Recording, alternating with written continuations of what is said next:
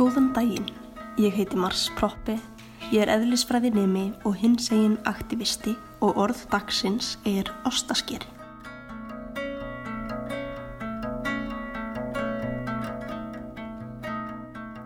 Mörg ykkar myndu eflist telja ostaskera til líkil búsáhalda. Að hús tellist var til heimilis nema ostaskera sé þar að finna. Þegar ég var barn hafði ég hins vegar ekki sterka tilfinningu gagnvart mikilvægi ástaskera. Þið sjáu til. Ég var með mjölkuróþól sem gerði mig efins um allt sem kom frá mjölkinni. Ég valdi að borða ekki ost. Hann var eitthvað sem ég vildi einfaldlega ekki að væri partur af mínu lífi.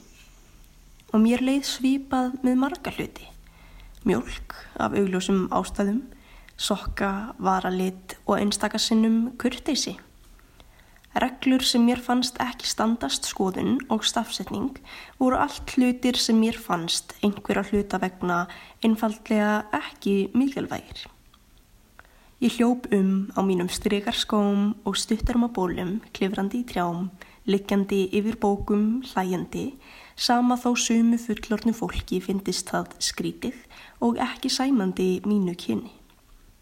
Ég passaði ekki inn í þeirra ímynd um litlar stelpur og mér fannst það ekki mikilvægt að vera lítil stelpa en það var það ekki eitthvað sem ég tengdi mikið við.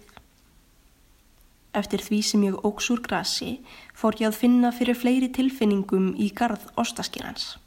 Ég gerði mér grein fyrir því að þó hlutir gengdu ekki höfuð hlutverki í mínu hverstagslega lífi, það gæti þeirra vel gert það í lífi annara. Ég uppgötvaði að þetta átti ekki bara við um hluti eins og ostaskera, mjölk og sokka. Heldur líka um meira abstrakt hugmyndir svo sem stafsetningu, reglur og samfélagshugmyndir. Ég fór að verða umburðarlindara í garð fólks og skilja að þótt eitthvað skipti mig ekki miklu máli eins og það hvort heimili inni heldu ostaskera, þá gæti það vel verið höfuð skilirði hjá næstamanni. Ég fór að ganga í sokkum og lærði að stafsetja að minnstakorsti upp að því marki svo fólk skildi skrifin mín.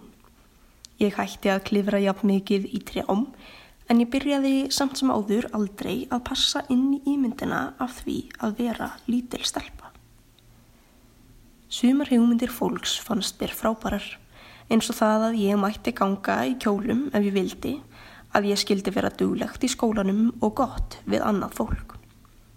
Þrátt fyrir þetta þá voru aðrir hlutir sem mér fannst passa verð eins og ég þyrfti alltaf að vera í sundból en ekki sundskílu. Að í fyllingu tíman skildi ég ganga með og augnast börn. Að ég þyrfti vegna lífræði minnar að fylgja samfélagsreglum um siðferði og kurtisi sem ekki allir þyrftu að fylgja. Það var þá sem ég fór að kanna málið. Af hverju höfðu við þessi tvö boks sem öll okkar þyrtu að passa inn í, kona og karl? Og af hverju tröflaði það mig persónulega svona mikið en ekki flest annað fólk í kringum mig? Til þess að gera langa sögustutta, mörg ár af pælingum og lestri, það var það að því að ég er bara alls ekki kona. Ég er hins vegar ekki heldur maður, heldur er ég þarna mitt á milli Ég er kynsegin. Eftir að ég áttaði mig að þessu hafði ég í raun á einni nóttu eignast minn eigin ostaskera.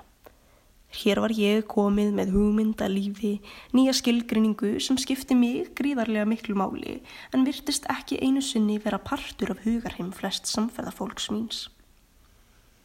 Ég uppgötvaði að þroskinn sem hafði verið meðvitaður hjá mér hafði ekki verið það hjá öllum.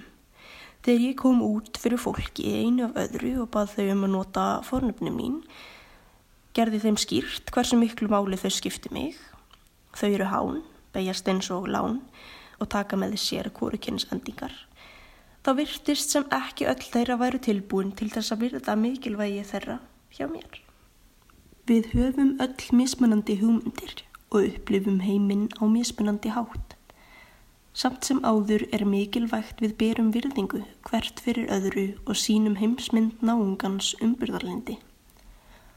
Oft er líka hægt að læra meir af öðru fólki og heimsmynd þess en við upprunalega höldum. Til dæmis læriði ég um daginn að ostaskera má nota á ímislegt annað en ost, til dæmis núgatstangir. Þá ógs mikilvægi hans skindilega gríðarlega í huga mér, eftir öll þessi ára af skilningsleysi okkar á milli. Núna, þegar við höfum mikinn tíma og heimsmynd okkar allra hefur breyst skindilega á alls konar máta, er verðt að velta því fyrir sér hvaða hluta af okkar heimsmynd séu ostaskerar. Hvaða hlutar af upplifunarheimi okkar eru einstakir og eitthvað sem við getum kynnt fyrir öðrum og hvað getum við lært af hjá öðrum. Hvernig getum við nýtt okkur þennan tíma til þess að verða umbyrðarlindari og víðsýtni en fyrir?